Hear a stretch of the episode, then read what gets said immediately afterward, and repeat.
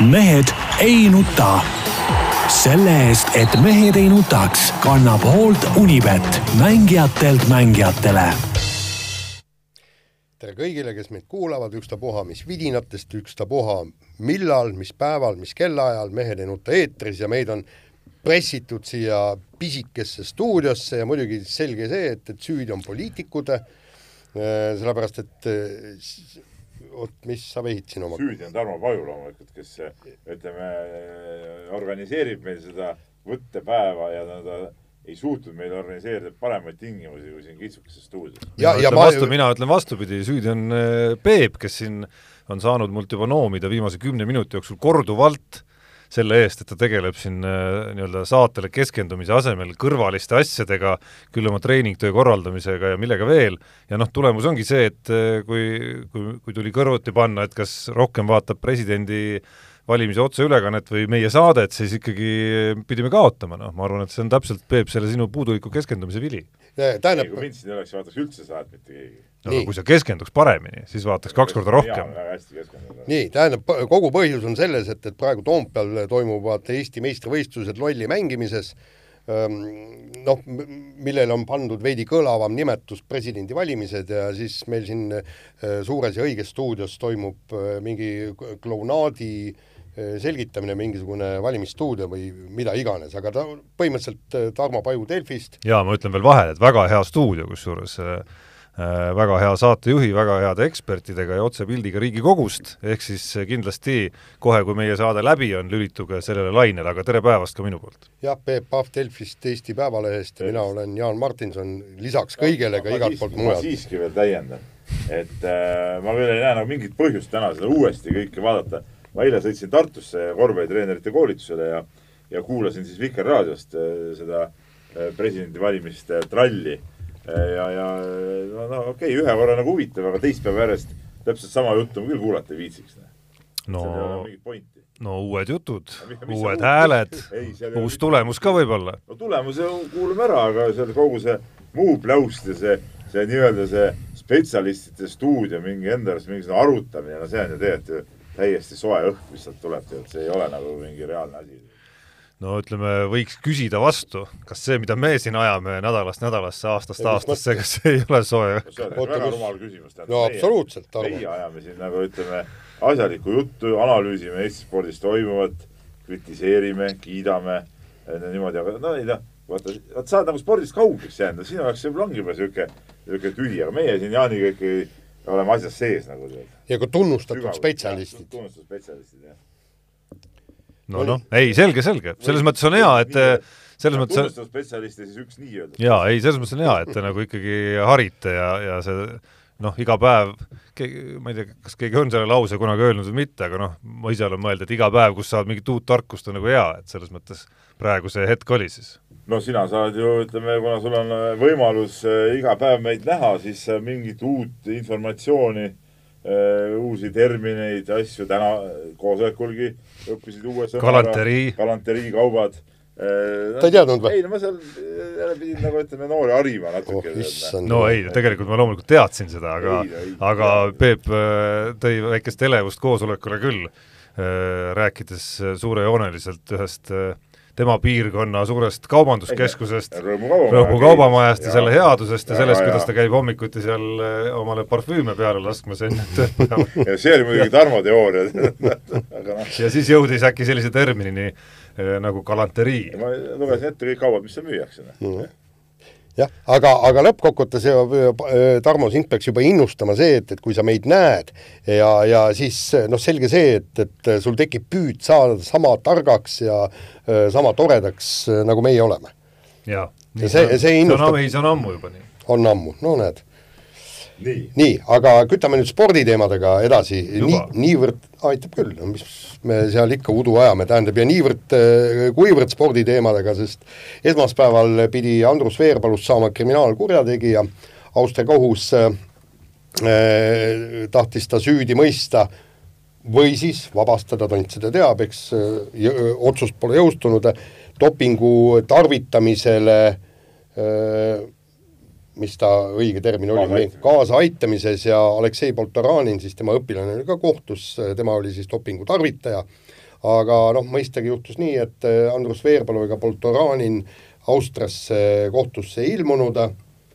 Ja, ja, ja nüüd ongi põhimõtteliselt kõik lõhkise küna ees, et ei, ei mingit kohtumõistmist meest kätte ei saada, kohtukutset talle kätte anda ei saa ja no ühesõnaga no, segane värk. täielik äh, ajuvabadus on muidugi, tähendab, ma ei saa aru, mis, mis mõttes lõhkise küna ees ja ma, ma selle Austria äh, selle politsei ja, ja kohtu ütleme, pehmest äh, tegutsemist nagu aru ei saa tegelikult, et siin on selge, et kui, kui mees hoiab kohtupidamisest kõrvale siis tuleb ta kuulutada tagaotsitavaks, kui tegemist on rahvusvahelise äh, inimesega või noh, selles suhtes teises riigis oleva inimesega, siis Interpol, Interpoli kaudu tagaotsitavaks ja äh, käed raudus tuleb kohale viia, ega siis niimoodi ei saa, et, et kui on kohus ja siis inimene peab niimoodi igaüks kõrvale hoidma siis kohtupidamisest ja, ja midagi juhtub no,. see on nagu ja, ja, ja kui me räägime Veerpalust konkreetselt, siis ja Potalanis, siis nad ju käituvad täielikult nagu pättide kombel, noh. see on selge, et seal otsitakse alati mingit küll jäädakse haiguslehele, küll ollakse haiged, eks ole, et ei saa keda, aga siis ka mõnikord tuuakse voodiga inimene, see oli ju see äh, maffiaprotsess siin Eestis, kus keegi üks oli voodis ja mul praegu tal oli mingi legendaarne ja, nimi ka. oli jah, mul praegu ei tule meelde mingi aga aga meie meestel on ka ju nimed olemas. nojah, meie meestel on nimed legendaarsed, eks ole. et need on mina leian, et, et, et kui on, kui ikka inimesed on nagu pätti teinud ja, ja kohtu ette peavad tulema, no siis tuleb, ja nad ise kohale ei tule, no siis tuleb nad sinna viia kohale, no aga lihtne jaa, no ma olen siin täna hommikul natukene sinu soovituse peale lugenud Tartu Ülikooli professori Jaan Kinteri intervjuud ERR-ile, et, et natukene nagu aru saada, mis, mis see nagu juura pool seal on ja, ja aru ei saanud, eks no, ju? selles mõttes ikkagi ei, minu arust noh, lõppkokkuvõttes ju raadios seda mitte ma ei lugenud, ma kuulasin raadios seda ja siis et minu arust, et noh, minu arust tuleb nagu välja küll, et küsimus on lihtsalt vist selles, no me näeme, mismoodi need arengud edasi lähevad, aga kas austerlased peavad seda nagu piisavalt suureks kuriteoks, et hakata selle pärast äh, vahistamismääruste ja, ja kogu sellise tagaajamisega tegelema või lihtsalt lepivad sellega, kui inimesed ei ilmu kohale ja tegelevad nende nii-öelda tagaotsitavatega alles siis, kui nad tõesti peaksid Austria pinnale sattuma. ei, aga no kuigi Austria pinnale sattumine ei pruugi olla kuidagi ju fikseeritud isegi, okei okay,, kui Aleksei Poltoranin läheb võistlema näiteks Austriasse, siis on see muidugi teada fakt, iseasi kas ka Austria prokuratuuril. nojah, aga ta on, tal on praegu nelja-aastane võistluskeeld ka, et kaks aastat veel ei saa võistlema. no seda enam. jah, aga selles mõttes on absurdne, tähendab, ühesõnaga me, me kulutame hästi palju raha ära, eks me te, uurime, me teeme kõik, tähendab, me viime ja, ja siis jätame pooleli. minu meelest oleks siin väga, väga selge, kui sa kohtusse ei ilmu, järelikult sa ei taha ennast kaitsta või kaitsjad õigu, õigupoolest ju olid kohtus. No miks siis seda tagaselja. meest on tagaselja? võiks ju, võiks ju mõista kas süüdi või süütuks, aga me ju ei tea, kuidas see kohus otsustab. teine asi on ju see, et, et vaata, kui kasulik on mitte ilmuda kohtusse. võtame niimoodi, kui sa oled kir-, kriminaalkurjategija, siis näituseks minu teada Ameerika Ühendriikide viisat sa ei saa. ja, ja kindlasti on veel palju teisi riike, kus, kui sul on kehtiv kriminaalkaristus, kuhu sa liikuda ei saa ja teine asi on see, et, et sul on elu lõpuni tempel küljes, eks ju aga, aga praegu, kui sa lihtsalt äh, põgened, kohtusse ei lähe, oledki puhas poiss. ja lõpuks ongi niimoodi, et ongi, lõpuks aegub see protsess, ongi puhas poiss. no aegumiseni vist on siiski aega veel päris palju minna. aegumiseni võib-olla on aega jah, aga no ütleme tervikuna ikkagi, nagu sa samamoodi jätkad ja nagu austerlased nagu midagi ette ei võta, noh, siis ongi, ongi nii, nagu ta on, eks ole, ja eestlased ju, Eestis ju niisugust paragrahvi tema kohta nagu ei ole kuigi see kallutamise paragrahv on Eestis ka olemas, andku see Eestile siis see asi üle tegelikult ju. on ju Eestis, vaata, Alaver oli ka ju selle kallutamise paragrahvi all, eks ole, kui ma jah, just täpselt. et selle saaks ju Eestile üle siis anda, et, et kutsuge siis siin küll, küll siin K-komandod ja mehed ta üles leiavad.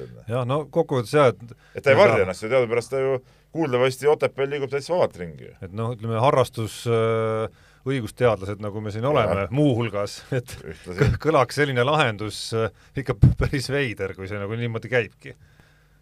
no see, mis no, praegu on et nagu no et see jääbki nagu kestma, aga, aga noh, okei okay,, praegu on, praegu oleme algjärgus ja, ja võimalik, et, et uudised on alles tulemas.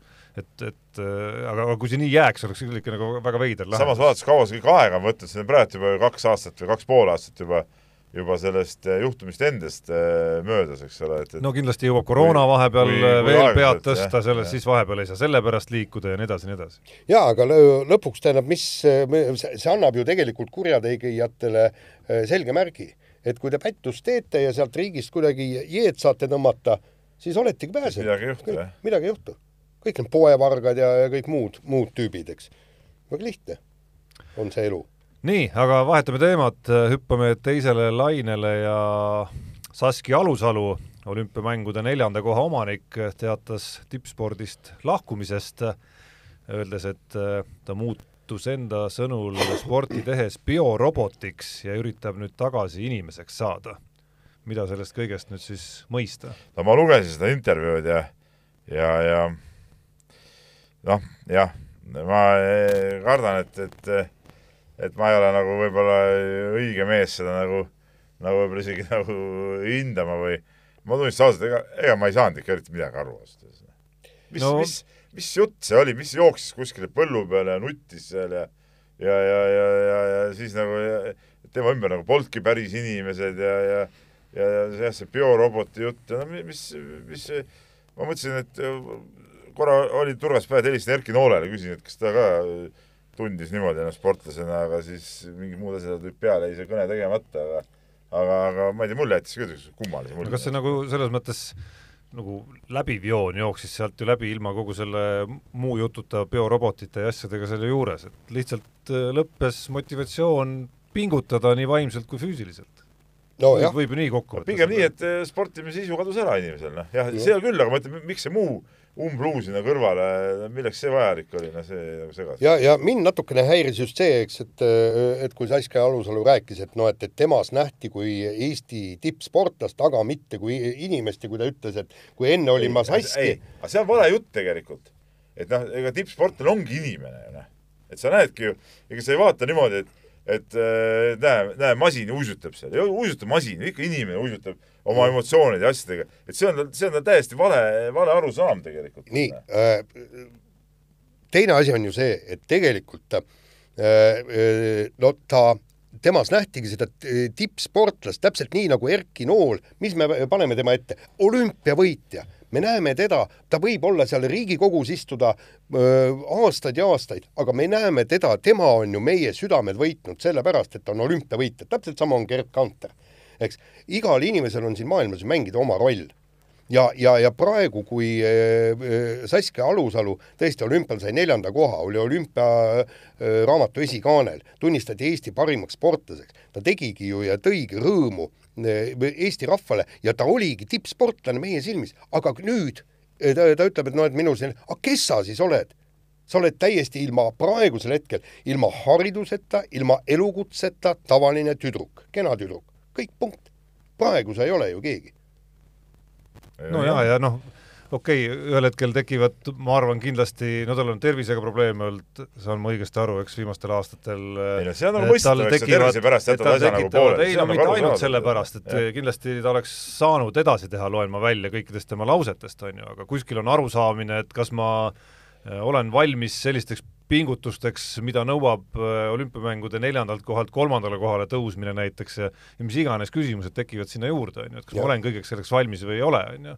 ja kas ma näen seda perspektiivi ja, ja, ja nii edasi ja nii edasi, et ja, ja kui sa siis tunned, et et et nüüd on aeg millegi muuga tegeleda, siis see otsus, ma arvan, tulebki väga lihtsalt, et neid sportlasi on ju olnud siin äh, viimastel aastatel Eesti spordiski ju üksjagu, Evelis Aued ja, ei, ja kõik, nii edasi. kõik see on õige ja iga inimene võibki äh, Äh, ise ei otsustada kokkuvõttes, eks ole, ega me ei saa öelda, et sa pead sporti tegema, niisugust asja ei ole olemas, eks ole, inimene saab sporti teha siis, kui talle sport meeldib, aga, aga aga seejuures ei ole mõtet ju ajada mingisugust, mingit äh, umbluud nagu noh, et no,, et on... milleks, milleks see kõik nagu vajalik noh, see tema jaoks ma arvan, see ei ole umbluu, et see on see, kuidas tema lahti mõtestab kogu seda teemat ja kogu lugu. aga, aga no näiteks see, see väljend biorobot tuli kohe mulle meelde eile, kui ma vaatasin Kanepi ja Putintseva tennisematši ja tänapäeva tippsport ongi muutunud biorobotite äh, tegevuseks. kui, kui, kui mõtlesin aastaid tagasi, viimane oli võib-olla see äh, Martina Hingis, kes oli tõesti kena, naiselik, mängis ilusat tennist, eks, ja elegantset tennist ja kõik nii, siis praegu nii Kanepi kui ka tema vastane on väga ilusasti täpselt välja töödeldud lihastega, eriti veel see vastane, vaadake, niisugune reis tal all oli, kust tuleb see kiirus.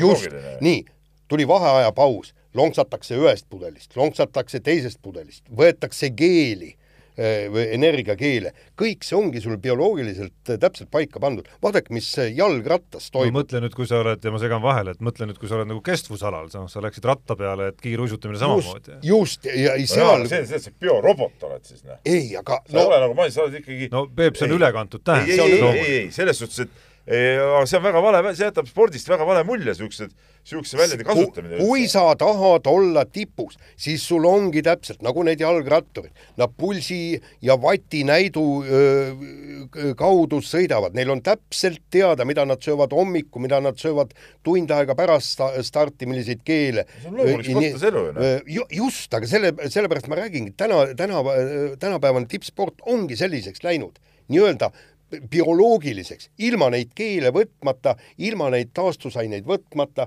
ilma toidulisandeid võtmata, ilma täpset treening, treeneri järgi äh, keha töötlemata, sa ei jõuagi kuhu, kuhugi, see ongi nii teaduslikuks ja täpseks läinud ja, ja see on täielik paratamatus. ja sellest on äh, lihtne tüdineda ka, ma arvan. absoluutselt. ja, ja teine asi, ma vaatan, et sa Seska Alusalu äh, teema hakkab juba kanduma teistele sportlastele ka. täna lugesin eh, siis eh, intervjuud Kelly Sildaruga, kes räägib, eks olümpiamängude eel, eks teda hirmutab võib-olla see, et, et, et kõik ootavad temalt medalit. aga loomulikult ootame ja, ja, ja ta ütlebki, et nagu ma ei võidaks seda medalit endale, vaid, eh, vaid Eesti rahvale, aga nii ongi. sportlased, te olete meelelahutustöötajad. Te lahutate meie meelt ja meie meel lahutubki selle peale, kas te võidate või kaotate. Üks toob meile positiivseid emotsioone, teine negatiivseid. see on nagu kombo, see, et loomulikult sa võidad ka iseendale selle medali, see on, see on ju ka selge, aga, aga tervikuna tippsport tähendabki ikkagi nagu midagi muud, see tähendab terve riigi esindamist, eks ole, kogu rahva esindamist, et see, see paraku nii ongi ja, ja tippspordi osa ongi see, et, et oodataksegi seda, seda võitu, noh vot on sama see Erki Noole näite, nii kord kui Erki Nool läks starti, meie kord ootasime, et ta võidab. ja ta ise teadis väga hästi seda ja, ja, ja see ongi, see ongi see, see spordi nagu mõte ja idee ja, ja, ja õige sportlane seda naudibki seda just vastupidi. et, et ta, et ta nagu tahabki, et ta oleks ju, ju püünel nagu ja, ja, ja et, et temalt oodatakse neid võite. ja see toob talle sissetuleku, sellepärast kui sa tahad ainult endale seda medalit võita, palun, rahvasport on olemas. jaa, aga no ma ütlen, midagi erakordset ei ole ka sellest, et või selles, et, et vahel äh, noh, toimuvad mingid murdumised, on ju, ükskõik, ükskõik, kas see on kuskil olümpiamängude viiekümnenda koha tasemel äh, või siis, või siis kõige-kõige-kõige edukamate tasemel, noh, olümpial me nägime seda ju põhimõtteliselt nagu reaalelus, äh, riistvõimlemises. ja, ja ei, seda muidugi, muidugi toimuvad, aga noh, ma räägin seda, et, et me ei saa nagu noh, seda tuua nagu ütleme, nagu eeskujuks, et noh no mis mõttes eeskujuks, noh, need, need sisemised mõtted, kas inimesel tulevad või ei tule, on ju, et kas, kas need murdumised tulevad või ei tule, on ju, ja kas need pinged kasvavad üle pea või ei kasva ja kas koormused käivad üle jõu no, või ei näitab, kasva. tugev või nõrk sa oled kokkuvõttes. noh, selles mõttes muidugi, et kui ja. sa jätad karjääri pooleli, siis selge, et, et rohkem sa ei võida enam ühtegi võistlust. ei no see näitab seda, et, et sa ei olnud tippspordi jaoks piisavalt tugev, noh, siis et no järelikult no,. täpselt nii, aga äh, kas piisavalt tugev on Eesti võrkpallikoondis, see hakkab nüüd siis alates homsest äh, selguma. Äh, võrkpalli äh, Euroopa meistrivõistluse alagrupi turniir algab siis Tallinnas ja vägeva vastasseisuga Eesti-Läti kohe kolmapäeval, aga nüüd ütleme, viimased kontrollmängud siin mängiti Hispaania, kolm korda võideti, noh, kas need mängud nüüd midagi ka näitasid selles suhtes, et kas Eesti võib, võib alagrupist edasi jõuda või ei või, no väga raske on hinnata, ma arvan, et seis on niisugune fifty-fifty tegelikult. et ega see alagrupp mingisugune lihtne jalutuskäik kindlasti olema ei saa ja, ja see homne äh, Lätiga mäng, kus ja, ja ja Avo Keel on peatreener, kus ongi väga raske ühe või teise poolt nagu olla, et, et see saab olema päris äh, kaalukeeleks. ja kusjuures alustas ju Aavo Keel juba psühholoogilist ja, rünnakut ja. meie lehes ja ütles, et tema ei näe küll võimalust umbes, et see oli vana, vana hea Aavo Keel. No, muidugi selles ühes ja samas loos oli justkui kaks natukene vastukäivat äh, Aavo Keele kommentaari koos, et üks oli see, kuidas äh, Eesti kaotab turniiri esimeses mängus Lätile ja teine oli siis tema hinnang selle alagrupi koosseisule, kus äh, nii-öelda kahe suure järel ikkagi pidas ta Eestit nagu soosikuks number kolm selles grupis. ei no see et kaks nüüd väga hästi kokku ei läinud. ei no see on kaks psühholoogilist mõjutamist, eks, üks on see, et, et poisid, ärge muretsege, te olete kindlad kolmandad, ei olegi vaja nagu väga pingutada. aga meie vastu libastute. ja, ja aga meie vastu libastute ja, ja küll te siis võidate nii Prantsusmaad kui Saksamaad ja kui kõiki teisi, on ju ja nii on, aga, aga ei, see, see on tegelikult põnev, aga, aga samas ka absurdne, me mängime kolmapäeval ära ja siis nokitakse kaks päeva nina. Ja see kalender on täiesti jura minu arust, jah. jah. kuidas siukest vahet saad sees olla? see ei ole, võrkpall ei ole niisugune mäng nagu nagu ja. pead mingi sada aastat taastuma sealt, tead. no just. vaata, vaata, kuidas jalgratturid, ei, ei. oled sa tippvõrkpalli mänginud? ei, no kuule, kuule, võta nüüd jalgratturid, noh. kas siis peaks peale igat etappi nädal aega pausi ja peale igat eh, Tour de France etappi nädal aega pausi, siis saad edasi, siis terve aasta aega saab üks velotuur ju, noh ja ei no hõre on, kui sa Kossugagi võrdled, kus on, kus on ju ka sarnane formaat viimasel ajal, ehk siis kuuesed alagrupid seal alguses, siis siis, siis seal nagu läheb vähe tihedamalt jah, see asi nagu käima. jaa, aga no igal juhul action'it tuleb ja, ja, ja aga mis mind imestama paneb, on see, täna, täna just kuulsin Kuk-, Kuku raadiost, kui, kui räägiti, ikka piletid on saadaval ja saal täis ei tule, no see, see on küll natukene hämmastav aga see muuseas, see, see publiku värk, see on nüüd, ma ei tea, kas see on nüüd sellest koroonast tingitud või, äh, see lööb ikka igal pool välja, mäletame, äh, Rally Estonial oli ju silmnähtavalt vähe publikut. Äh, ma käisin nüüd nädalavahetusel Lõuna-Eesti rallil, Võru ralli, alati publikule väga meeldib, palju rahvast, kõik. noh, ütleme nii, et visuaalselt ma pole nii vähe, see vähe muidugi ka tinglik, ütleme iga teise spordivõistluse jaoks oleks olnud väga suur publiku hulka, aga ütleme nii vähe publikut ma pole näinud, näiteks ma läksin, see laupäev-pühapäev toimus, ma läksin laupäev peale rallipäeva lõppu, tööd sai tehtud, läksime kuulsasse ränduri pubisse sööma, mis on alati õhtuti rallipäevadel, noh niimoodi, et ei saa, ei saa sissegi, eks ole.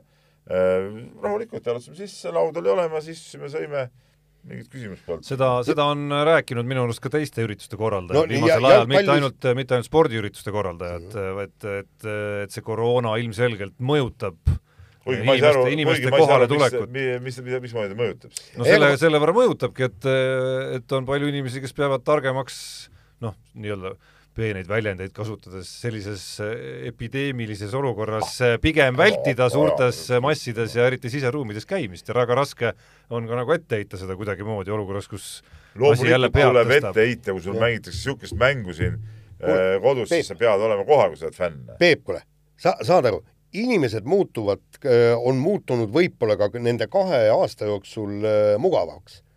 ja selle ma... üks saatanast on muidugi need striimid muidugi mida just, näidatakse. mina olen alati selle vastu, nende striimide vastu olnud. see röövib lõpuks spordi kui sellise eheduse. arvutist, telerist vaatamine ei ole kunagi võrreldav sellega, mis sa no mis saad siis, koha peal olla. mis sa selle jauramisega öelda tahad, et lõpetame ära siis või? et teleülekanded ja kõik asjad, lõpetame ära no.. teleülekanded peaks olema suurtest asjadest. ei, aga kuule, ei, aga stopp. Ei üleüldse, no olümpiamänge pole väga üle kanda. ei, miks, olümpiat sa ei saa vaadata, igaüks ei saa sõita Austraaliasse näiteks olümpiat. aga Jaapanis näiteks, Tokyo näitel, oletame, et publik oleks saanud ligi, Jaapani pinnal oleks võinud olümpiamängude äh, ülekanded ära keelata. oota. ei noh, seal on, see on teine asi. ma räägin nüüd rohujuure tasandil kui, kui kõik on kogu aeg igal pool olemas, see tapab lõpuks, kas sa saad sellest aru? ma võin sellest aru saada, aga mis sa sellega öelda tahad, et paneme kinni need siis või? ei, ei, ma ei tea, kas me paneme kinni, kas me vähendame, oota hea nüüd, kas me paneme kinni, vähendame, mida me teeme, aga selge on see, et spordile tervikuna mõjub see halvasti, see on fakt.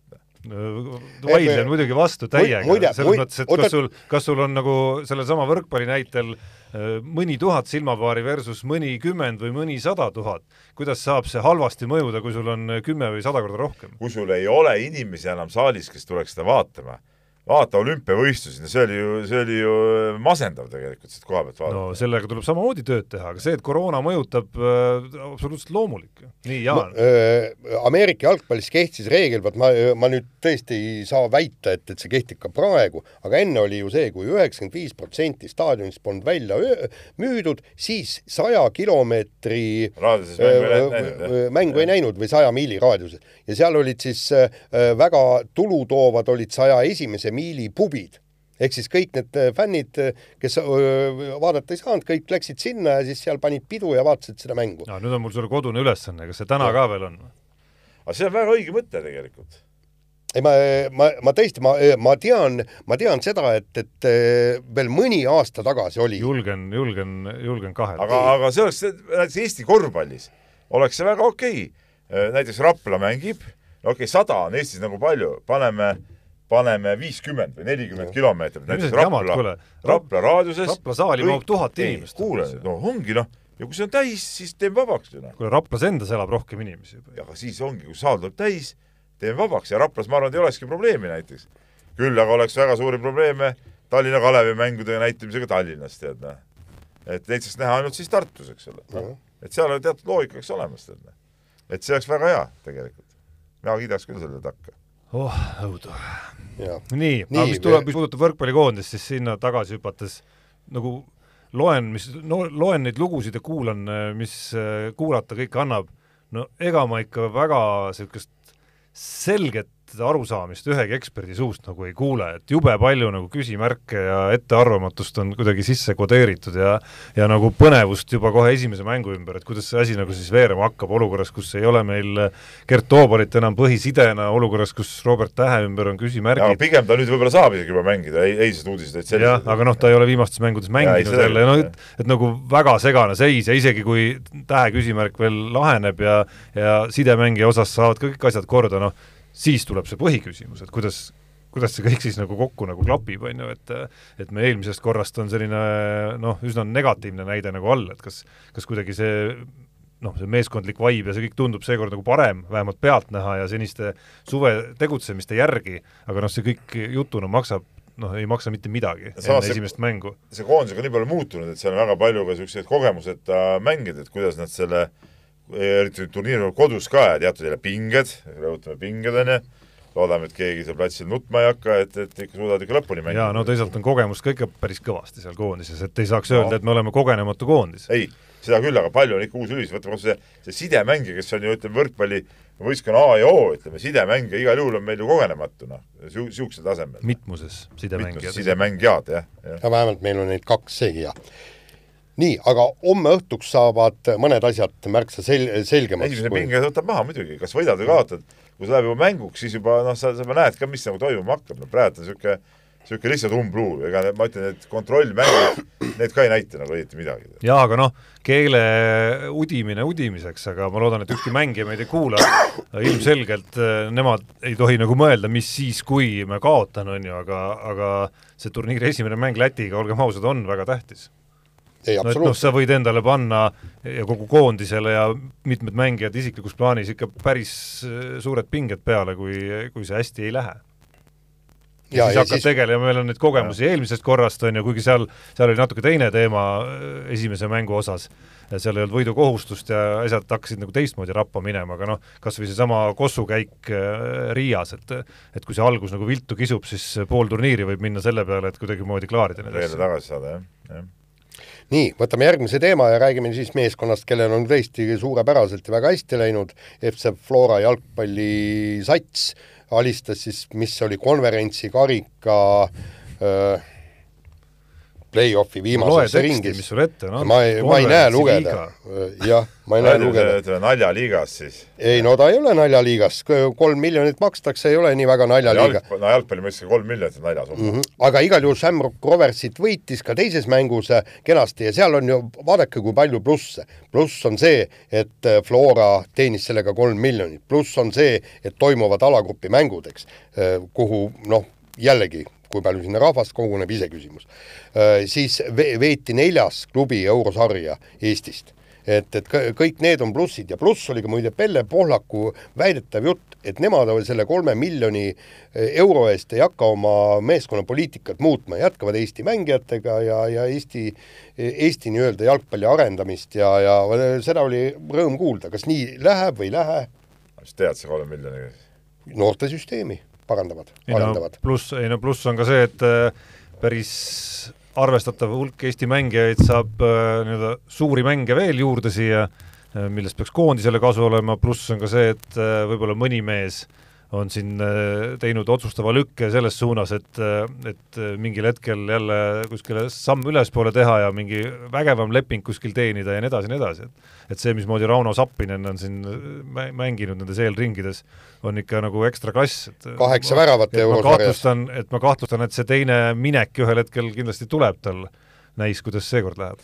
jaa, aga ma, ma siin ütleme teiega koos äh, siin hurraad ei karjuks nende otsuste peale just, mis puudutab seda, et nad ei panusta nagu meeskonna tugevdamisse, et kui kui me taha, kui me tahaks, et Eesti üks jalgpalliklubi jõuaks, ütleme, eurosarjas stabiilselt kuhugi kõrgele, no siis eh, teadupärast ma ei ole mingi suur legionäride pooldaja, aga ütleme, jalgpallis üks-kaks tugevdust juures pff, oleks kindlasti korralik, korralik abi, seda enam, kui nad plaanivad võib-olla, no ma loodan, et selle hooaja sees nüüd seda Zappelini ära ei müüda.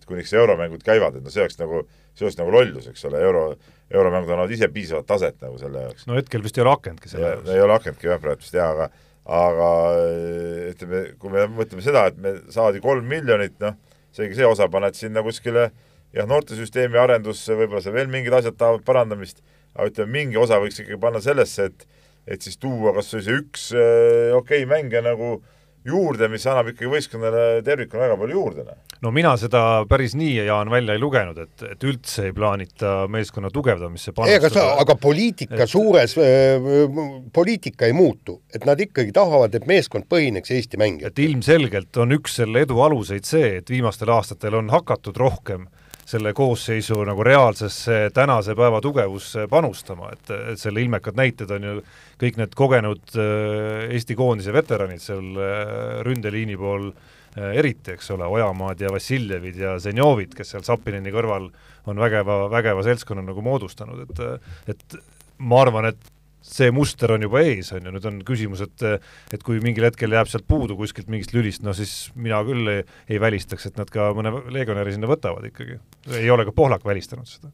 aga mis mind natukene häirib, kui see alagrupi turniir nüüd äh, algab, kolm mängu on Eestis, mängude ajad kakskümmend kaks null null.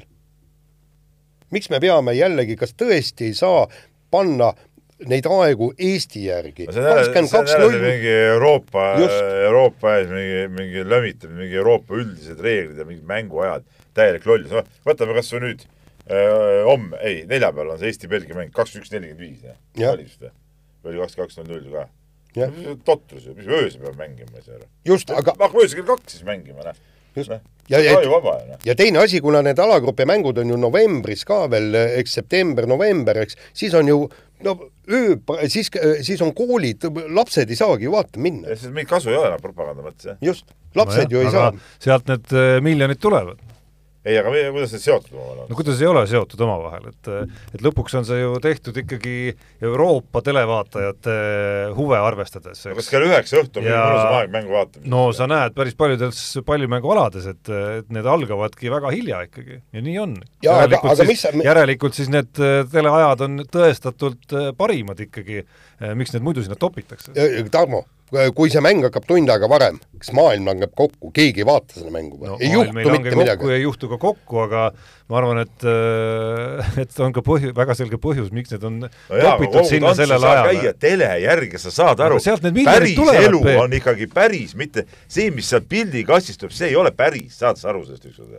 see ei ole päris asi ta,. Tarmo, proovi sellest aru saada, et eh, kui sa, kui inimene on fänn ja vaatab tahab vaadata mängu, siis sa vaatad seda mängu ükstapuha mis kellaajal, kui ta hakkab ka kell kaheksa, ikka vaatad ju seda mängu. näiteks Ameerika jalgpall, mis on Ameerikas, on absoluutselt noh, täiesti number üks spordiala kõikides. seal, kus voorud hakkavad, voorud hakkavad läänerannikul hakkavad hommikul kell kümme, hakkavad mängima. ja kõik inimesed on teleka taga, mitte mingit probleemi ei ole, pühapäeva hommikul kell kümme no te, ma usun, saate teistpidi ka ise aru, et kui kuskil on, äh, me räägime jälle asjadest muidugi, mille peensustest me väga palju ei tea, aga kui, kui, kui, kui kuskil on, äh, kuskil on nii-öelda tele, kes on maksnud need, ma ei tea, mis hüper, super, mega, miljonid, miljardid, mis iganes, kes ütleb, et tema tahab, et need mängude algusajad oleks sellised noh, siis, siis on loomulik, et see nii lähebki lõpuks, see kogu lugu. jaa, aga me ei pea sa raha, raha järgi sa võid, sa võid siin vastu olla ja mitte tantsida ja öelda, et ei pea tantsima, aga no ma tahaks näha, kuidas sa jalgpallijuhina nagu neid otsuseid ja selgroogu säilitaksid. Aga, aga tervikuna, mis sellest mängust siis kasu on, kui seda keegi ei näe Eestis? ja, ja, ja arvesta, tegelikult neid mänge saab ju, kui Venemaal mängid, kus on veel kellaaeg tund aega edasi, siis seal peaks ju hakkama mängima. seal saavad alati, Vene klubid mängivad ka Champions League'i varasemal kellaajal, miks Eestis ei saa siis? täpselt no vot, uuri välja. seal mängivad ju kell seitse minu arust meie aja järgi. jään ootama seda uuringut. ei no uuringut, noh. aga nii on ju tegelikult, noh. ei, me lömitame, noh, tüüpiline Eesti värk, noh. Nagu sa hakkasid siin ka rääkima Euroopa Liidu õigusruumist ja mingist asjast. noh. mingid Euroopa Liit pole suveräänsed riigid, mingi Euroopa Liidu õigusruumi pole olemas, tead. mingi väljamõeldis. me ei ole Euroopa Liidus. me oleme Euroopa Kaubandusliit ju, see muud midagi ei ole siin, tead. selge. uut tarkust aina tuleb, aga esimese saateosa lõpetuseks sutsu tennisejuttu ka, Anett Kontaveit võitis Clevelandi tenniseturniiri ja noh, me saame siia jätku kohe muidugi täna hilisõhtul peaks olema US Openi esimese ringi mäng, aga noh, enne on vähemalt veel hea targutada natukene, et kas siis uue treeneri tublidus on saanud juba esimese tõestuse või on veel vara hõisata? noh, ma ei ole kindel, et, et see, see treeneri taga seal nii väga asi on, et ütleme niimoodi, et ta võib-olla psühholoogiliselt jah, mõjutas, nagu ta ütleb, et, et ta on noh, väga niisugune positiivne inimene ja, ja kõik, eks, aga, aga see, et, et nüüd mingisugune treening, see, see on psühholoogiliselt on, on võib-olla tõesti positiivselt mõjunud, aga aga selge see, et, et ikkagi pinged tulevad peale nüüd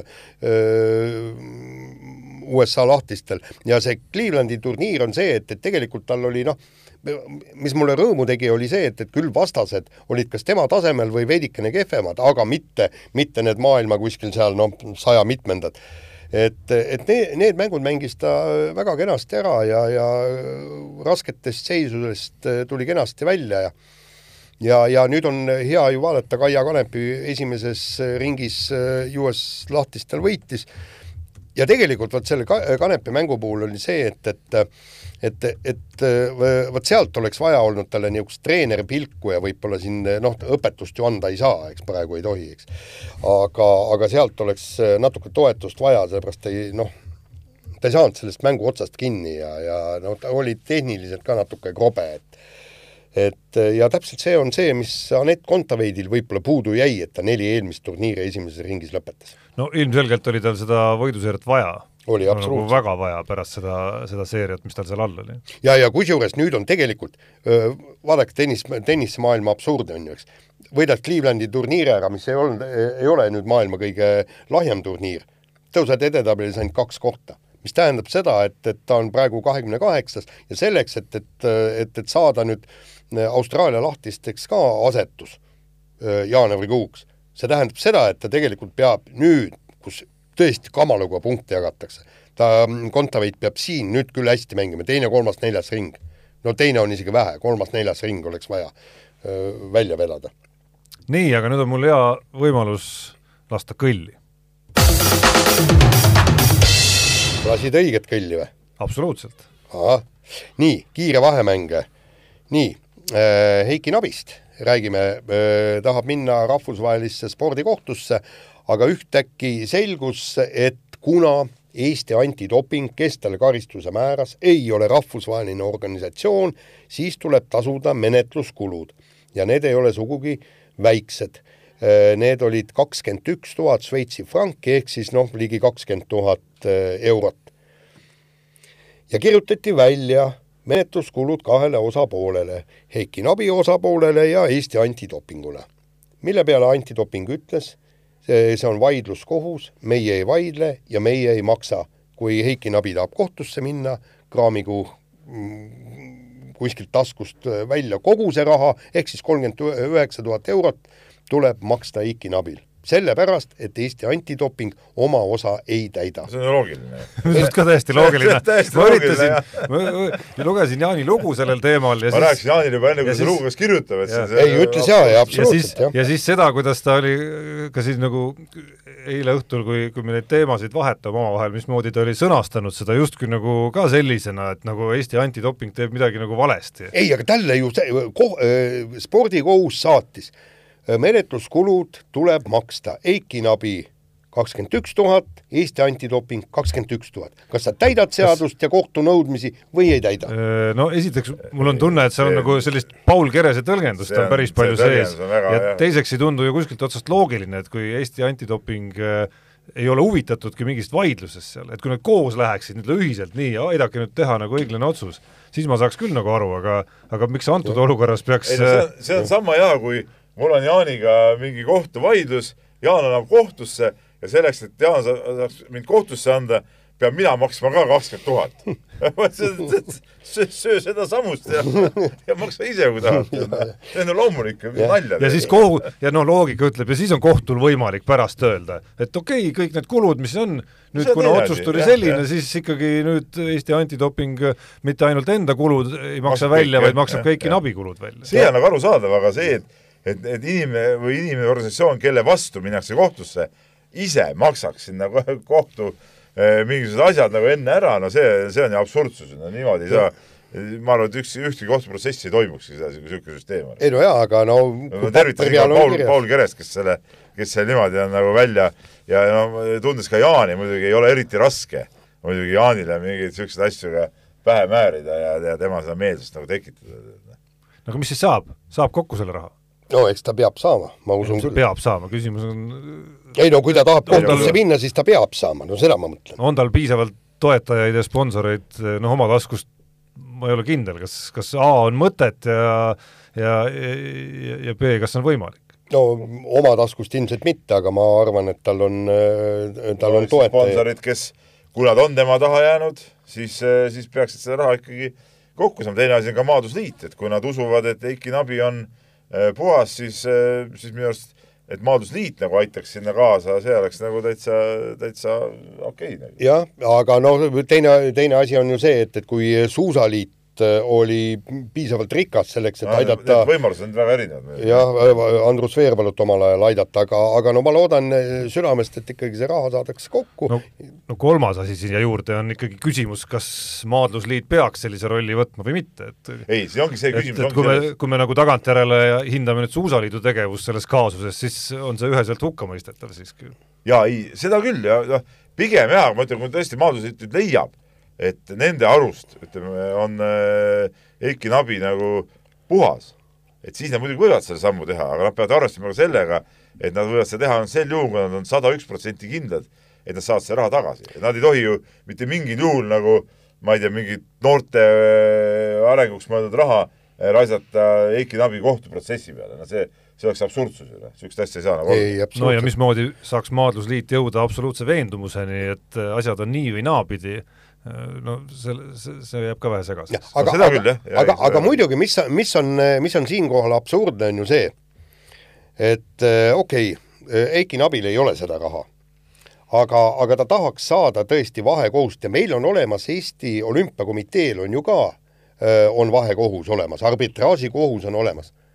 seal on üks aga Eiki Nabi ei tohi sinna minna, vaid peab minema rahvusvahelisse spordikohtusse. ja nagu Eiki Nabi ise ütles ka, et okei okay,, et mina võib-olla leian selle, kraabin selle raha kokku, aga, aga ta miskipärast arvab või kahtlustab, et, et väga palju on maailmas sportlasi, kes sellepärast ei lähegi sinna arbitraažikohtusse, sest neil aga ei jaa, ole aga raha. sa ju saad aru, miks see nii on tehtud, et sa oma riigi selles jaa, ei muidugi, loomulikult. see on sellepärast, et tekkis niisuguseid olukordi, et et öö, oma riik peseb oma sportlase puhtaks no,, see on, see on iga, see on täiesti loomulik, mis, mis, mis sa tõstatad sellist küsimust? oot-oot-oot, aga siis võiks ju olla see äh, arbitraaži, rahvusvaheline arbitraažikohus, kuhu sa oled sunnitud minema, samuti tasuta. ei, miks? siis hakkab ju igasugu, isegi see, kes jäi jäi vahele otse tablette või, või süstalveenis, eks ole, tabletid kurku jäi otse vahele, kaanab sinna, kõik hakkavad ei, aga no igaüks päris ei lähe, et kulud on sul igal juhul. ei, kui sul tasuta on, siis hakkavad kõik on tasuta, on tasuta, kui oleks maadlus, rahvusvaheline maadlusliit äh, määranud äh, dopingukaristuse, oleks ta saanud tasuta minna. kui palju oleks..., aga kui palju määrab rahvusvaheline alaliit no, ja kui palju veer... määra-, oota, ja kui palju määravad need äh, kohalikud äh, antidopingu no Veerpalule määras näiteks suusa, rahvusvaheline suusaliit. kes, nagu selle asja oleneb, kus sa vahele jääd ka. et ühesõnaga, ühesõnaga segane värk, aga, aga, aga mida ma südamest loodan, on see, et tõde selgub, olgu see positiivne või negatiivne. Läheme positiivsema teema juurde, Siim-Sander Vene, Eesti üks äh, viimase kümnendi ja viimaste, viimase paarikümnendi ägedaim korvpallur äh, Äh, on asumas Haapsalu korvpalli eestvedajaks. kust see tuli? võtame mütsi maha. ei no ta on nagu asunud sinna, et, et et noh, ta tegelikult ikka mängib ikka, eelkõige ta ikka ise korvpallur veel ja ja, ja mängib, äh, mängib palli edasi ja, ja ja ilmselt ikka sinna Leetu ta läheb, nagu siin äh, viimased uudised on kuulda olnud, nagu ta ka ise mulle rääkis. aga tal on Haapsaluga side, et noh, ta on sinna, ma saan aru, soetanud mingit elamist ja, ja, ja asju endale talle meeldib see linn ja korvpalli seal ei ole, samas Haapsalu on vana korvpallilinn, vana meistriliiga võistkond on seal olnud, eks ole. et, et selge see, et see kants tuleb nagu üles sikutada ja ja, ja, ja ütleme, kui niisugune, niisugune mees nagu seda tegema hakkab, noh siis, siis sellest asjast võib ka asja saada. no äge igal juhul kahe käega poolt. jaa, no äge on lihtsalt see, juba selle juures ainuüksi see fakt, et, et ta üldse nagu noh, ilmselgelt on see mingisugune mõte, mis ulatub aega edasi, kus ta enam võib-olla ei tegele ise korvpallurina Eh, korvpalliga, et, et see on mõte, mis võiks kesta aastaid ja aastakümneid, et ta, et ta üldse mõtleb nagu selles suunas, et kuidas midagi uut püsti panna, kuidas just nimelt korvpallile tagasi anda ja nii edasi ja nii edasi ja nii edasi, et et neid huvialasid, millega tegeleda, on ju noh, mustmiljon tegelikult. jah, aga, aga mis selle on valinud. jah, aga mis, sellel on tegelikult veel märksa suurem tähtsus, vaata, me hakkasime Peepi arutama, mis on Haapsalu laste võimalused teha nagu korralikku sporti vehklemine, jah. jalgpall oli vist teises liigas. ta oli esiliiga B ehk siis tugevuselt kolmas. tugevuselt kolmas liiga, võrkpallist ma ei tea midagi, Haapsalu võrkpallist, Haapsalu käsipallist pole ka kuulnud, et sisuliselt nagu nendel lastel ei olegi noh, pikad poisid, kes tahaksid äh, tõesti tõsiselt sporti, äh, sporti teha, neil ei olegi seda võimalust. see on küsimus ei ole Haapsalu, küsimus on ka see Haapsalu ümbruskonnas. just. nendes äh, kohtades ja noh, seal teadupärast ka Jaanus Levkoi on seal äh, toimetamas legendaarne korvpallitreener, et seal nagu ütleme, niisugust noh, nagu võimalusi ja, ja asju peaks olema, et, et jah, ja me räägime väikene selline geograafiline infokild vahele, räägime ütleme ümmarguselt rahvaarvult kaks korda suuremast kohast kui, kui Rapla näiteks. no Raplas suurem ei olegi eriti raske olla muidugi noh Eestis see nüüd nii lihtne ka ei ole. räägid, nagu me elaksime kuskil ega, Ameerika Ühendriikides. ei, seda küll, aga ega Haapsalu ka mingi suur linn ei ole, aga koos selle, just selle ümbruskonnaga nad on seal ikkagi nagu moodustabki teatud äh, korraliku niisuguse rahvaarvu, jah. oota, kas Vasalemma on ka Raplaga noh, nii, nii-öelda Rapla küljes või ei ole? et Raplas pidi olema väga lihtne. tähendab, Lääne-Harju vald no on vist, ma arvan, et on suurem kui Rapla, ma täpselt muidugi ei tea. et Raplast pidi väga lihtne olema suurem olla. ei, me rääkisime linnadest, Vasalemma pole kunagi linn olnud näiteks. ega me seda Lääne-Harju valda eriti tunnista ka, tähendab.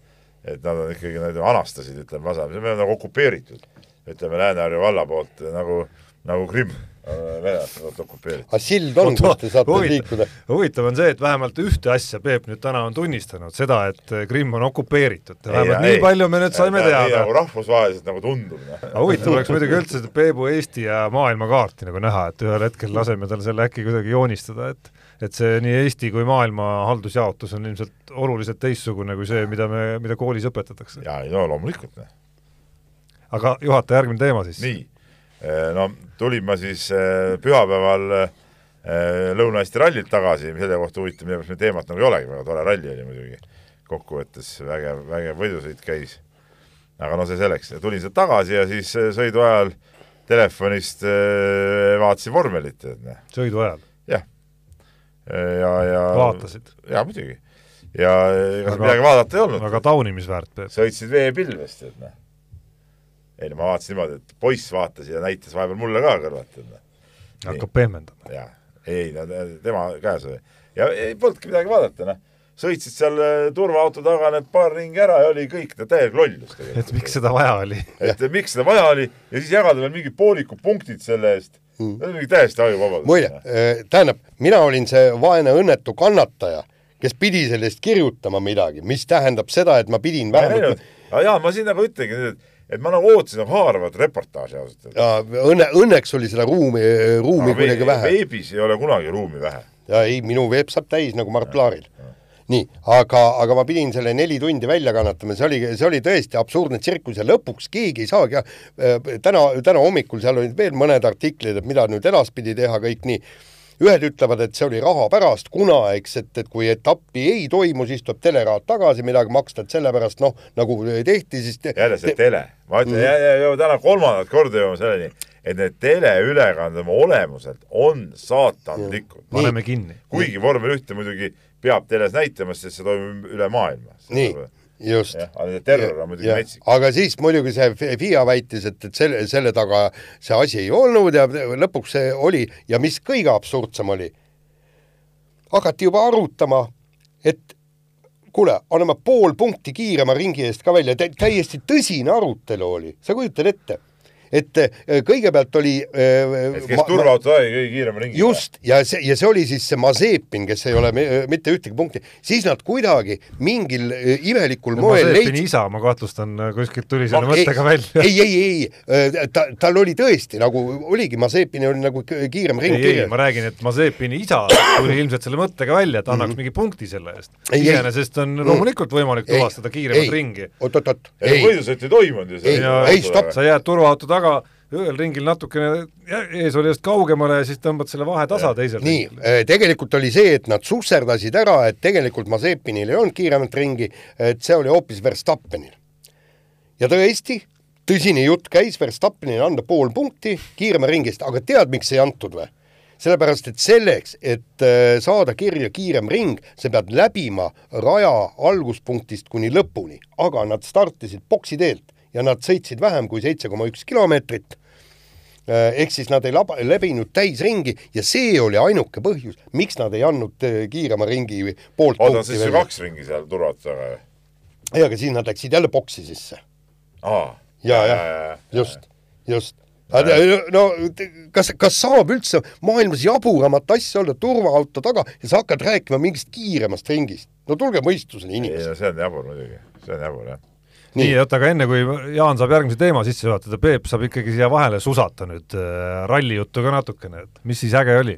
ei, äge oli see, et äh, kõigepealt äh, Robert Virves äh, R5 autoga, see oli huvitav äh,, kuidas ta sõidab, kuidas hakkama saab, äh, sõitis suht rahulikult äh,, nagu rõhutatud rahulikult äh, ilmselgelt. Ja, ja, ja vaatasin seal äh, lootsin, et saan Marko Märtiniga ka rääkida, aga ei noh, ei tekkinud seda võimalust, et kuidas ta nagu hindab, aga aga noh, ta istus seal testi ajal ka Roberti kõrval ja võib-olla sealt, sealt võiks nagu teoorias äkki mingisugune koostöö välja, välja kooruda, et, ütleme, et ega see Tänak meil ka ju ütleme, kümmet aastat enam seal tipus ei, ei püsi, eks ole, et, et meil on mingit uut meest vaja ja, ja kellele siin Eestis panustama nagu hakata, et ma arvan, et Virves on üks nendest, kelle peale panustada, siis oli, mis veel äge, äge oli ka see, kuidas Georg Linnamäe ütleme, sõitis ähm, pühapäeva hommiku äh, kolm kiiruskatset kiiremini kui Georg Kross eh, WRC autoga, noh. et, et võib mõelda küll, et, et eh, noh, et üks on seda WRC kaks sarja, eks ole, jaa, aga noh, ütleme autode vahe on ikka nagu, nagu tohutu ja see pani, pani ära, et see oli, see oli ka äge, noh, et, et ei, seal niisuguseid detaile vägevaid oli, oli kõvasti, et noh oli põnev ja meil oli oma ülekannet ka päris vaadatav oli, oli.. Eh, vaadati ka klippe, vaadati ka minu suurepäraseid videointervjuusid. et, et eh, jaa, et noh, nii oli. jaa, kuigi neid, eh, ma saan aru, ikkagi tänase saate lõpetuseks hakkab tulema tundmus, et ei oleks pidanud vist ikka tegema neid ülekandeid. et ikka rohkem rahvast oleks kohal. see ralli ülekanne oleks võinud tõesti ära jääda. aga videointervjuud oleks pidanud nagu, need, need olid nagu sellised maiuspalad, ütleme nii, aga võtame järgmise teema ja Eesti parasportlane Robin Liksor äh, Tokyo paraolümpiamängudel startida ei saanud, sel lihtsal põhjusel, et ta tuli kaks minutit hiljem äh, ettenähtud ajast nii-öelda call ruumi ehk kogunemisruumi ja äh, te, tema oli kogu aeg arvestanud, et sa pead olema, mis see oli, viisteist minutit enne oma ala algust või oma, oma ujumise, ujumise algust, ujumise algust, aga selgus, kuna ta on teine ujumine, eks, eh, selgus, et tuleb tulla enne ala algust ja ala algas siis eelmise ujumisega kaks minutit varem ehk ja, siis ta tuli ja... kolm minutit enne justkui oma ujum, nagu seda õiget aega, mis ta arvas mm, -hmm. aga see osutus kaks minutit ma, hiljem. ma muidugi ei saa sellest aru, kas seal eh, paraolümpiakoondises mingid nagu mingeid abilisi ei ole, et kes nagu eh, on tavaliselt mingi võistkonna juht, kes, no ega sportlased ise nad on seal oma selles maailmas, eks ole, nad ei pruugi tajuda neid kõiki.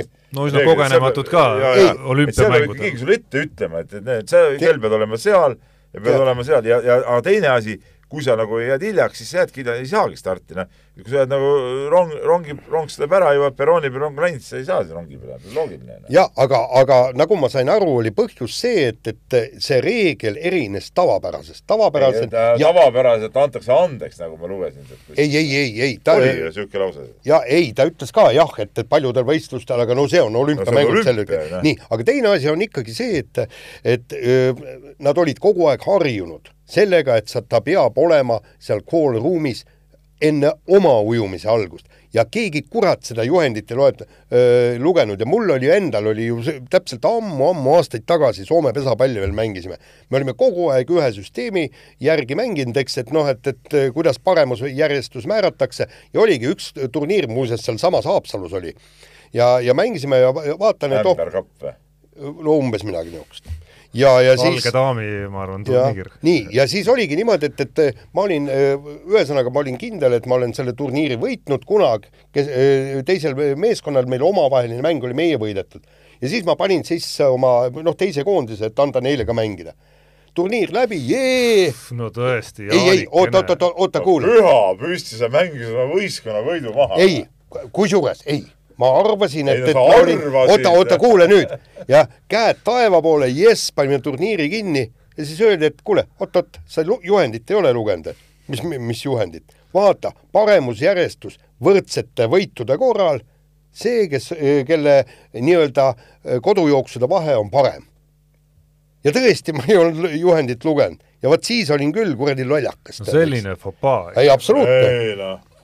Mis ma imestan, et Jaan enam seal treenerina ei tööta ja nüüd nagu siin ütleme, ajakirjanduslikke soperdistega püüab kuidagi nagu sinna ennast, paista ja ennast nagu puhtaks pesta. ja ennast vee peal hoida. vee peal hoida, tähendab. no kuule, nagu sa mängid võistkonna turniiri võidu maha niimoodi, et sa ei loe juhendit, no tere hommikul. jaa, aga no selle Robin Liksori loo puhul muidugi kuskil jääb alati kuklas ka see tunne, et noh, tegemist ei ole ju nagu nii-öelda profi-profi spordiga, on ju, et, et et noh, kaks minutit, kõik nad olid seal kuskil, liikusid ära, ringi, kas ikka, kas ikka, kas ikka seal kuskil ei. võiks nagu, võiks Tarmo. nagu paindlikkus ka ei, sees olla? ei, ma arvan, et see olümpia tasemel ka, ka parasport või invaspordi tase on ikkagi profitase tegelikult. et see nii ongi, nad tegelevad, valmistuvad selleks, ajavad seal äh, nii kõvasti seda asja, kui, kui suudavad, et ei, sa ei saa, no reegel on reegel, noh, see, seda, seda meelt ma küll ei ole, et oleks pidanud seal kuskilt järgi andma. ja, ja kui väga kahju on, et poiss ei saanud seal võistelda no,. sellest on väga kahju. aga no ma ütlen, et see kivi läheb ikkagi nende, ütleme, mitte, isegi mitte tema, tema kapsaaeda, vaid, vaid selle koondise ütleme siis nende asjaajajate kapsaaeda, igati, igal juhul. ja, ja kusjuures paneme sinna juurde Jaapani koefitsiendi jaapanlastel on. kas jaa või ei, nendega vaielda ei anna. seal ei ole, ma olen ju rääkinud, bussiga sõitsime, seesama asi, noh. ei, see ei loe, et buss on täis, ei loe, väljasõit on siis ja siis seisame siin ja siis ja, sõidame veel. ja kõik, kõik hingame enda, teineteisele koroonat kuklasse. reegel on reegel, on Jaapanis nii, reegel on reegel, kiire vahemängu lõpetuseks natukene korvpallist ka, õigemini kolm korda kolm korvpallist, nimelt Eesti kuni kaheksateistkümneaastased noormehed võitsid maailmameistrivõistlustel hõbemedali ja, ja Peep, kes peaks selle vanuseklassi või noh, üleüldse selle põlvkonna Tean, Eesti korvpallurite kohta üht koma teist teada, ma arvan, et see üks huvitavaid, huvitavamaid küsimusi kindlasti on, et et kas me kuskilt näiteks sellesama seltskonna pealt hakkame nägema mingit esimest, esimest tiimi, kes võib-olla keskendubki sellele alale? no tõesti ausalt, ma ütleme nende kolm kord kolm võimekuse kohta ma ei oska eriti midagi ütelda ja ja, ja ma tegelikult, kuna ma olin ka seal rallil ja ma ei näinudki neid mänge. no ma finaali ja, vaatasin. ja kui finaal käis, siis ma sõitsin alles sealt rallilt tagasi, et et ma ei näinud neid mänge, aga, aga ma sealt seda Reinartit, ma tean, Reinarti vanem vend mängis minu käe all Keilas ja ja, ja, ja seda ma tean väga hästi, laagripoiss, et, et ma arvan, et tal on saali korvpallis ka päris, päris head väljavaated ikkagi midagi korda saada, ta oli eel-, ta oli ju eelmine hooaeg juba ju äh, TTÜ meistriliiga võistkonnas hooaja alguses kohe sai jalavigastused ja hooaeg jäi vahele. et, et, et, et miks ka mitte, noh, ma tean seda Heina Krooni tean, kes on Tartust, eks ole, äh, siis seda Laadoga, et ei, ma neid poisse tean kõiki et aga kas, kas see kolm, ma ei usu, et nad kolm kord kolme korvpalli peale hakkavad nüüd keskenduma, noh. miks nad peaksid?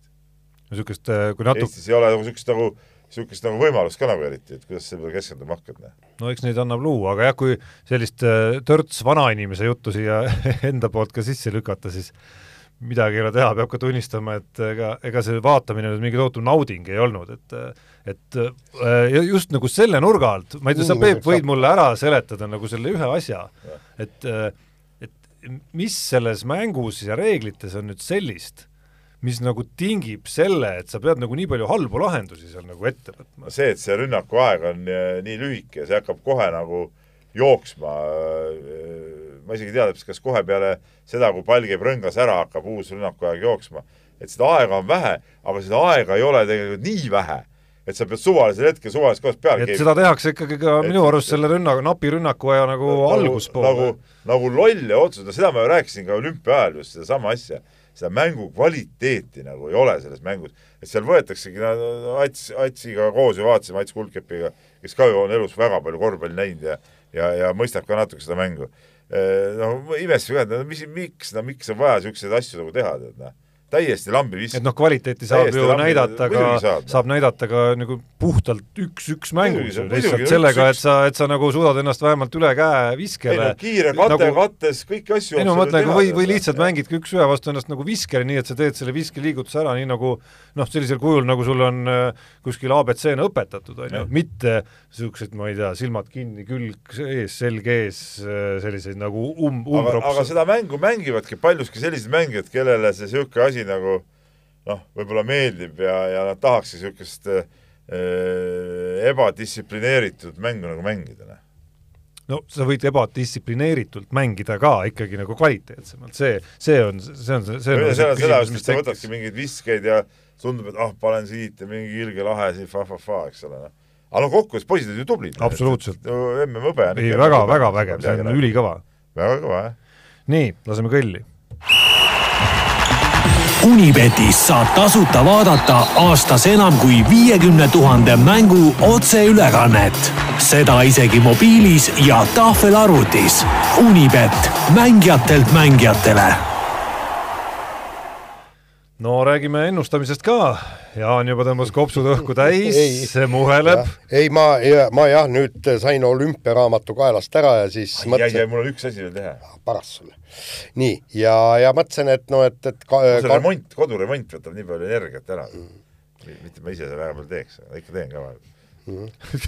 koduremont võtab aega ära, naine remondib, ma saan aru. ei, vahepeal nüüd mul läksid peenemad tööd, ma pidin spetsialisti appi kutsuma vahepeal. sina, sinusugune mees, kutsub koduremontides mõne spetsialisti abiks. seal ei, seal sa, mina olen aru saanud, et sa oled sellest tõust ja põlvkonnast, eh, kes ikkagi noh, on nagu mitte lihtsalt kuldsete kätega, vaid need on mingid teemantitega, teemantitega nagu, palistatud kuldsed käed. teemant ei ole raisata, noh.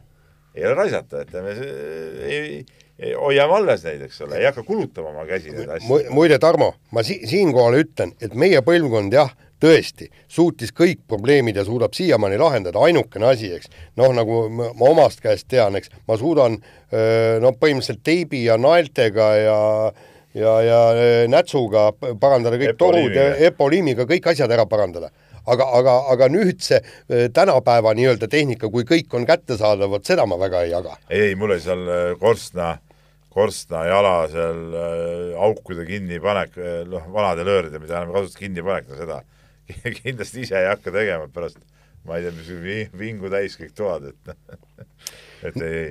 nii, aga jah, et, et mõtlesin, et, et äh, kanepi peale miks ei tasuks, no vähe, viis eurot panna ja oli vist äh, kaks koma kolm oli koefitsient ja, ja noh, loomulikult Kanepi võitis, ega noh siis no, no loomulikult mingid seitse no, seitse eurot oi, see noh, mis ja, see, selge. see kõik on selge jaa, noh, jah. no Ol... mina tegin selle panuse, mis ma eile saate või eelmise saate ajal juba tegin mm -hmm. avalikult täiesti, ehk siis et FC Flora ei kaota Shamrockile kordusmängu. see oli hea panus. kas Viik või Flora võit, kuigi eks seal seda turmtuld natuke Flora väraval äh, mingitel hetkedel oli ka, aga noh, tunne ei, ei vedanud alt, nii et kõik on hästi ma pean nüüd nagu tuhka pähe raputama, et ma pidin see nädal osalema küll, aga mul oleks meelest ära. järgmine nädal, nüüd ma teen, võtan ennast käsile.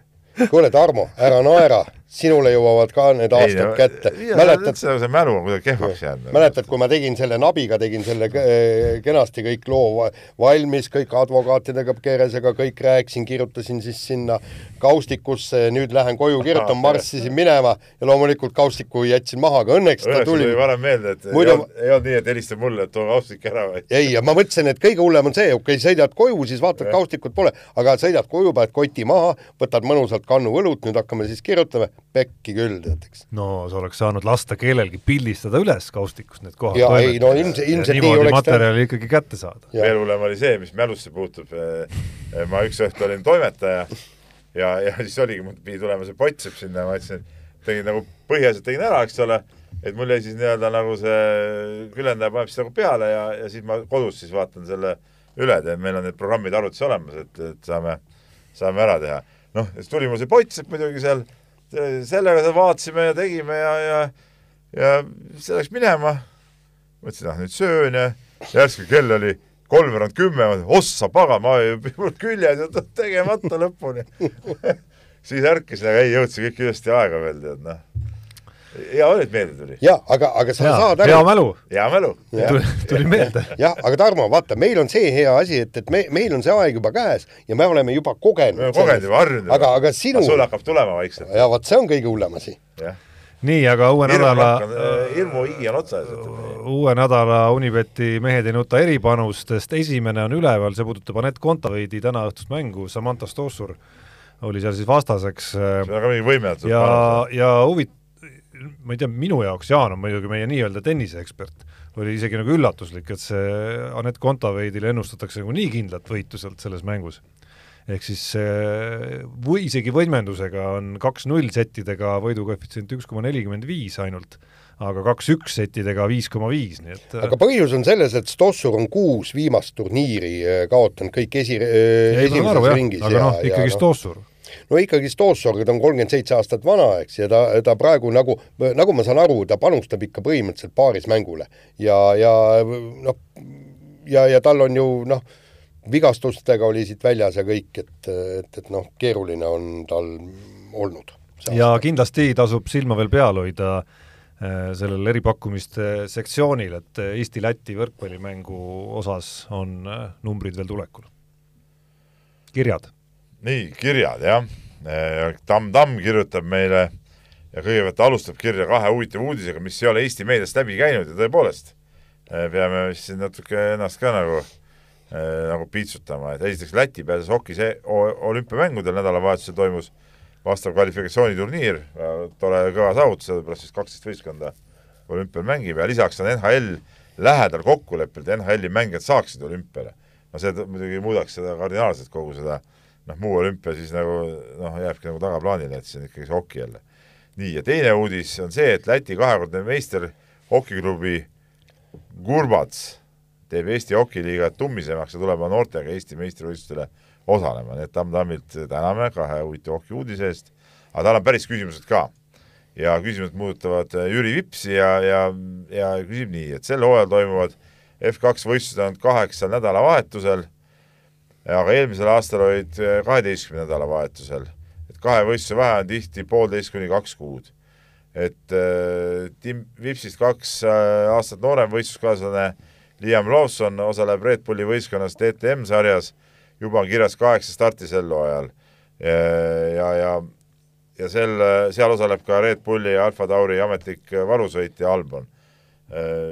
Küsimus, et, et kas on teada, miks Jüri Vips ei osale mõnes paralleelses võistlussarjas, nagu teevad seda teised Red Bulli sõitjad? no seal, äh, nagu mina saan asjast aru, on äh, lihtsalt raha tagasi asi. ühtedel on võimalused äh, paremad kui teistel. ja väga lihtne.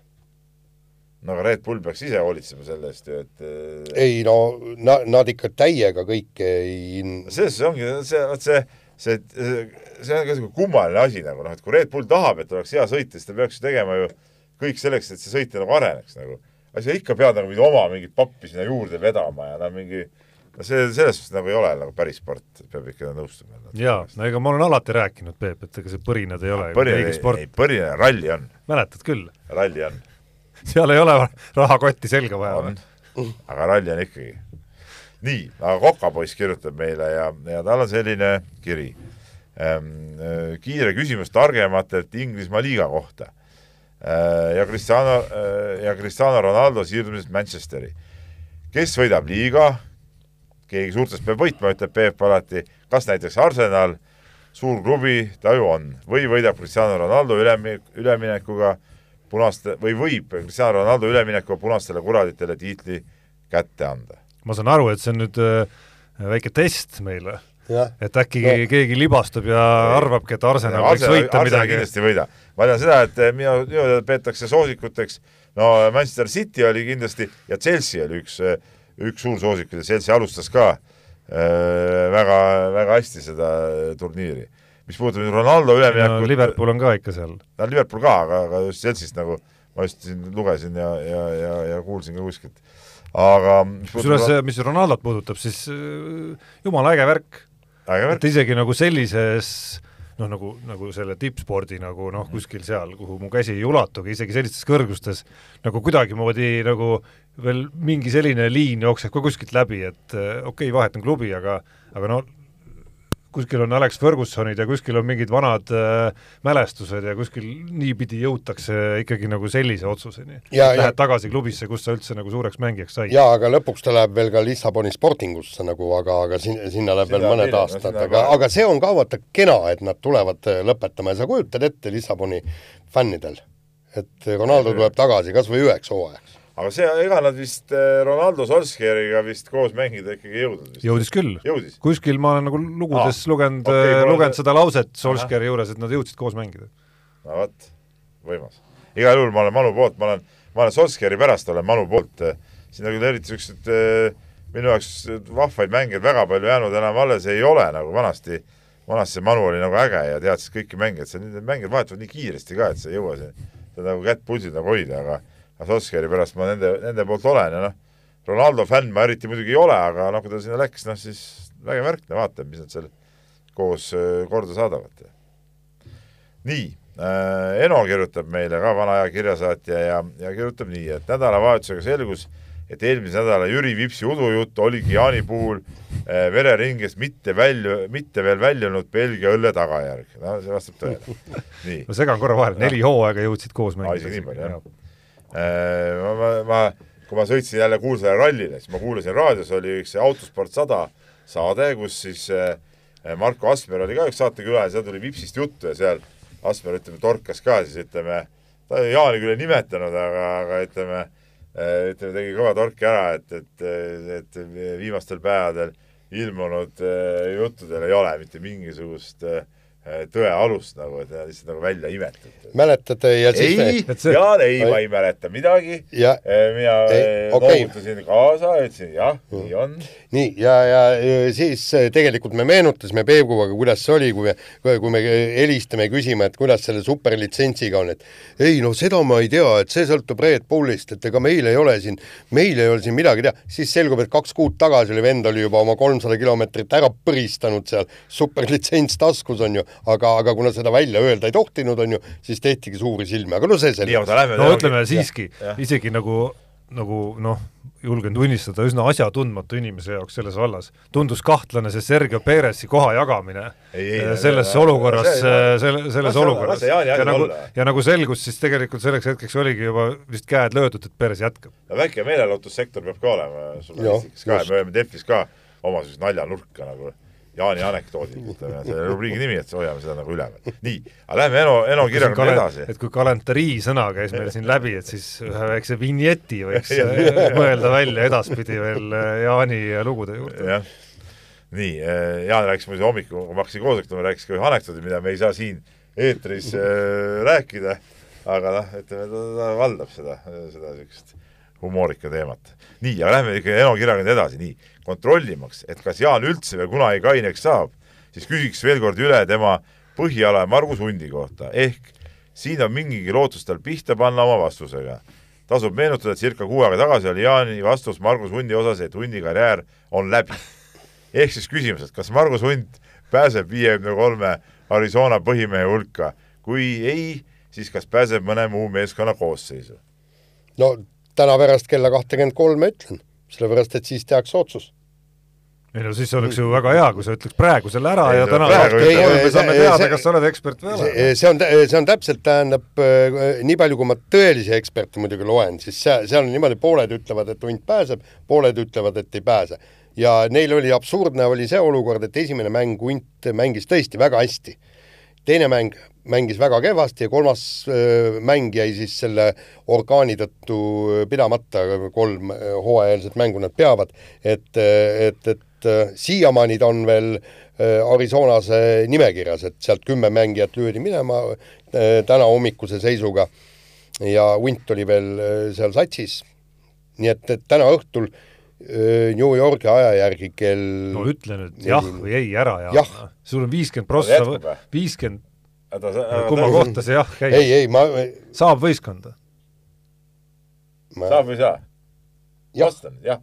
jah, saab. kuu aega tagasi oli karjäär läbi ju, sa ütlesid. ei, Ei no no jah. las see kuu aega tagasi las olla, targad inimesed õpivadki. no Peep, kuule, sa ei saanud aru, sa küsisid, kas jääb või ei jää, mina vastasin jah, ei no jah jääb, jah ei jää Ah., noh, ei no jaa, see on ikka lame, lame, nii. ühesõnaga Jaani ametlik vastus oli, et jääb. ei, dokumenteerime selle, ei, Ei, no ma, ei ole ei me praegu täpsustame siin. Ei. minu ametlik vastus on jah, ta jääb. ei, minu vastus oli jah. ei no ärge, ärge hakake segast ajama. ühesõnaga ei, ei minu anna ametlik vastus oli on jah. viiskümmend protsenti võimalust pihta panna ja ütle, lõpetada. või ei jää, vasta siis sellele. jah, hea kuulda. okei, nii, Martti kirjutab ja siin nüüd nagu tuleb taas Jaani, Jaani pihta kannatuse küsimust ehm,. uudistes andis endine tippsportlane Riho Suur väga purjus peaga eh, autoroolist tabatuna intervjuu ja ütles, et miljon korda on purjus peaga sõitnud ja ta on nii väga ohutu, et, et no ei ole mingit ohtu. samas ta ei suutnud isegi õieti rääkida. kaks küsimust, Peep kas sellises olekus sellist juttu ajada on normaalne ja Jaan, kas sa oled elus nii purjus üldse olnud, kui sinu eakaaslane tele-eetris? Jaan, mina või olen, aga, aga nii ammu, et ei mäleta noh. et, et ei mäleta, ühesõnaga ütleme niimoodi, et, et see, see oli tõesti, kandus mu niisugune kahekümnendate aastate äh, alguspoolele. kusjuures ma hakkan tõesti mõtlema, et ma ei ole vist nagu purjus Jaani näinudki kunagi. minu arust Tooke jäi minu diivani peal ja küll täitsa jokki, kui ta seda viskit seal timmis. ei, meil oli lihtsalt ei, lõbus olla. no seda ka jah, seda küll jah. nii, aga mis, kas sellist juttu ajada on normaalne? selle kohta ma ütlen nii, et no Riho Suun ei ole muidu väga suur jutumees, eks ole ju. no ta on suht vaikne mees ju tegelikult ju. jaa, aga ta on pullimees, kui ta ta ajab, pulli- siis ta jaa, ajab jaa, pulli nii. juttu, nagu et nüüdki. äh, nagu nüüdki jah, et, et eks jokis peaga tulevad need igasugused äh, no ma võin vastata, Peep, sinu arvan, et, eest, et sa ei pea. et jah, ma arvan, et ta ei mõelnud seda, et ta ütleme kaine peaga kindlasti niisugust juttu ei ajaks. ja ma võin vastata, Peep, sõnastada sinu eest korrektse vastuse praegu, lihtsalt päästan su hädast.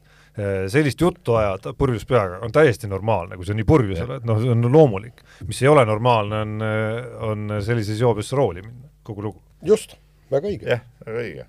nii on, nii, viimane küsimus, täna saade on ülikaua kestnud, võtame teadlase Priidiku viimase küsimuse ja ta räägib sellest, et tihti on juttu sellest, et Eesti riigi raha kipub nii spordis kui ka teistes valdkondades voolama pigem betooni, mitte inimestesse. nõustudes küll täielikult sellega, et inimesed on esmatähtsad ja tühjalt seisvad suurtest, suurtest hoonetest pole mingit kasu, ei saa siiski jätta ka märkimata heade sportilise võimaluse positiivset efekti mingile alale pikemas perspektiivis millise suurema üle-eestilist tähtsust omava hoone infrastruktuuri ehitamist pooldaksid saatejuhid? kus on seis hetkel kõige kriitilisem? no selge see, ujula. Viiekümne meetri ujula. jah, ja mida nüüd siis Lasnamäele ehitama hakatakse lõpuks. Teine asi on velotrekk, aga tegelikult tead, mis ma teeksin, ma teeks, tooks selle Olimpiskova, Riia Olimpijski ma tsentri tooksin ma ära. tahtsin ise just vastata seda, et, et need, see olümpiakeskus, nii nagu Lätis on, no Lätis on väga hästi tehtud, ütleme need, ka need kohalikud väiksed spordibaasid nii-öelda olümpiakeskuste egiidi all, ma ei tea, nad saavad mingit riigi raha minu arust sinna peale ja nii edasi. et see on väga hea asi ja, ja kui meil oleks tõesti üks niisugune keskus, no ütleme see, seal ütleme, noh, ta on seal Käärikul, ütleme, on seal nüüd tehtud see ülikooli värk ja seal vist on ka EOK näppupidi sees. et, et kui sinna veel juurde aretada mingisuguseid asju ja, ja, ja veel teha sinna suuremaks neid öö, ööbimisvõimalusi ja, ja, ja et, et ei oleks nii, et pead aasta aega ette kinni panema, kui tahad sinna laagerdama minna. vot siis niisugune asi oleks küll nagu okei okay,, kui see oleks näiteks kergejõustikus ise all sealsamas, eks ole, ja ja, ja täispikkuses ujula ja, ja kõik värgid. vot see oleks nagu vajalik. ja, ja aga teine keskus võiks olla siinsamas ka Tallinna lähedal, tähendab, see ja see oli fantastiline, seal oli, ma ei tea, mis ujumine, korvpall, võimlemine, mis aja ja, ja kusjuures, mis mulle meeldis, eks need lapsed, no ma uurisin seal ka, kuidas see asi on, et need on spordikooli lapsed, eks, kes seal käivad, eks, ja, ja siis, kui nad oma trenni ära tegid, siis nad saavad sealt just seda tervislikku sööki, mis, vaata, me käisime seal ju ka Soomes söömas, selle korvpalli EM-i all, see valik oli ju mingi tohutu ja siis ta läheb, talong käes, tal ei ole mingit probleemi, on selge, et laps saab kõhu täis just täpselt seda toitu, mäletan iluvõimlejad, need näksisid oma salatit, on ju, siis tulid mingid tõstjad, need panid niisugused lihapraed sisse kõik ja ja, ja see ongi, kõik kalad on niimoodi üheskoos ja hästi mugav ja, ja äge. no ma lisaks võib-olla kaks mõtet siia, et need kumbki ei ole või üks ei ole kindlasti nagu üks konkreetne tsentraalne keskus, vaid vaid on äh, küsimus, mis puudutab ikkagi nagu jääd üle Eestimaa ja selle vähesust. Ja see puudutab omakorda siis uisutamist, jää, jääokit, iluuisutamist ja, ja kõike seda. Ja võimalusi nende alade kiiremaks arenguks, noh eriti jääokit, on ju. ja, ja noh, teine, kus, kus Jaan võib-olla nagu te-, nii-öelda tehnika poole pealt suudab nagu aidata, aga noh, ütleme, vaadates seda kliimat, mis meil siin üldiselt talvedel on, see nii-öelda nagu suusatamisvõimalus ja suusatamise nagu treenimise võimalused, no on ikka väga ahtaks jäänud. et kindlasti on võima-, et kindlasti on võimalik nagu olgu need tunnelid, olgu ta mingites oluliselt suuremates kogustes äh, nii-öelda nagu lume varumise võimalused ja tootmise võimalused. ei no seda saab ju veel kasvatada ja kasvatada, et see ei oleks üks väike ring, mille, mille saab varakult püsti ja ainult, et see ei oleks ainult Tehvandi, kus seda tehakse ja nii edasi, et et noh, teistmoodi ei näe nagu väga jätkusuutlikut arengut nendel aladel ette. suusatunnel kindlasti, sellepärast praegu käivad ju kõik meie, meie sportlased ju käivad äh, kas Walkatis, Rootsis, Rootsis suusatunnelites ja, ja tegelikult see tunnel omamata kuludest muidugi nagu no see on hoomamatu kindlasti, aga, aga no, kui tahta nüüd mõelda nagu, mida Eesti spordil vaja oleks, no siis ja. tundub möödapääsmatu. just. nii on. nii, aga sellega on meie saade pikk,, pikk-pikk saade lõppenud ja kuulake meid järgmine kord. mehed ei nuta. saate tõi sinuni Unibet, mängijatelt mängijatele